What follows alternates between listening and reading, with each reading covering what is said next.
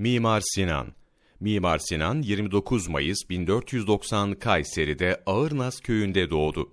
O gün İstanbul'un fethinin 37. yıl dönümüne rastlıyordu.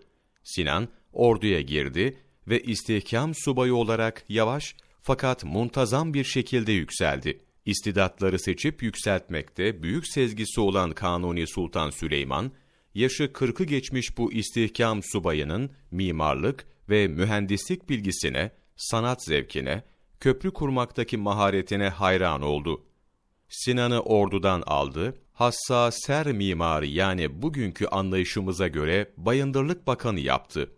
Büyük dehasının yanında tükenmek bilmez bir enerjiye sahip olan Sinan, birbirinden güzel eserlerden sonra Şehzade Camii'ni inşa edince ünü, imparatorluk sınırları dışına çıktı. Pek uzun bir ömrün bütün nimetlerinden faydalanan Sinan, görülmemiş bir çalışkanlıkla Türk İmparatorluğunu eserleriyle donatıyordu. Hassa ser mimarlığı makamını Kanuni'den sonra 2. Selim ve 3. Murat devirlerinde de ölünceye kadar devam ettirdi. Eserlerinde istediği malzemeyi harcayabildiği gibi en büyük hattatları, nakkaşları, oymacıları, çinicileri, camcıları da kullanabiliyordu. Süleymaniye Külliyesi ardından Edirne Selimiyesini inşa ederek sanatının zirvesine yükseldi. Onun için sanat ufku yalnız İtalya'yı gören büyük Rönesans mimarlarından daha geniş ve daha açık oldu. Eski medeniyetlerin ortaya koyduğu mimarlık şaheserlerinin çoğunu gören Sinan, bunlardan ilham almakla beraber Anadolu Selçuklu mimarisinin yolunu takip etti.